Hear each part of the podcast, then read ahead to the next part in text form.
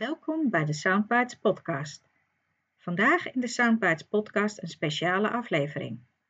Want in deze aflevering wil ik graag aandacht vragen voor de dag van de misofonie.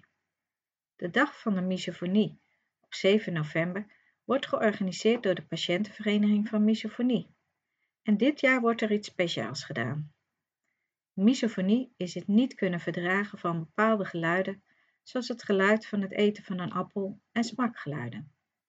Mensen met misofonie gaan vanwege de eet- en drinkgeluiden niet naar de bioscoop, terwijl ze dat misschien wel graag zouden willen. In bioscoop Castellum in Alphen aan de Rijn staat op 7 november aanstaande de bioscoop in het teken van misofonie.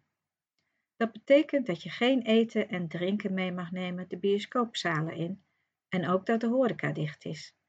Dus in de hele bioscoop mag er s'avonds 7 november niet gegeten of gedronken worden.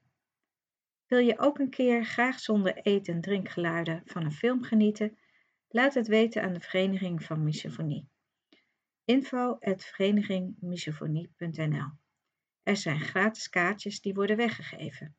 En anders kun je altijd nog een kaartje kopen voor deze speciale filmavond bij Bioscoop Castellum in Alphen aan de Rijn.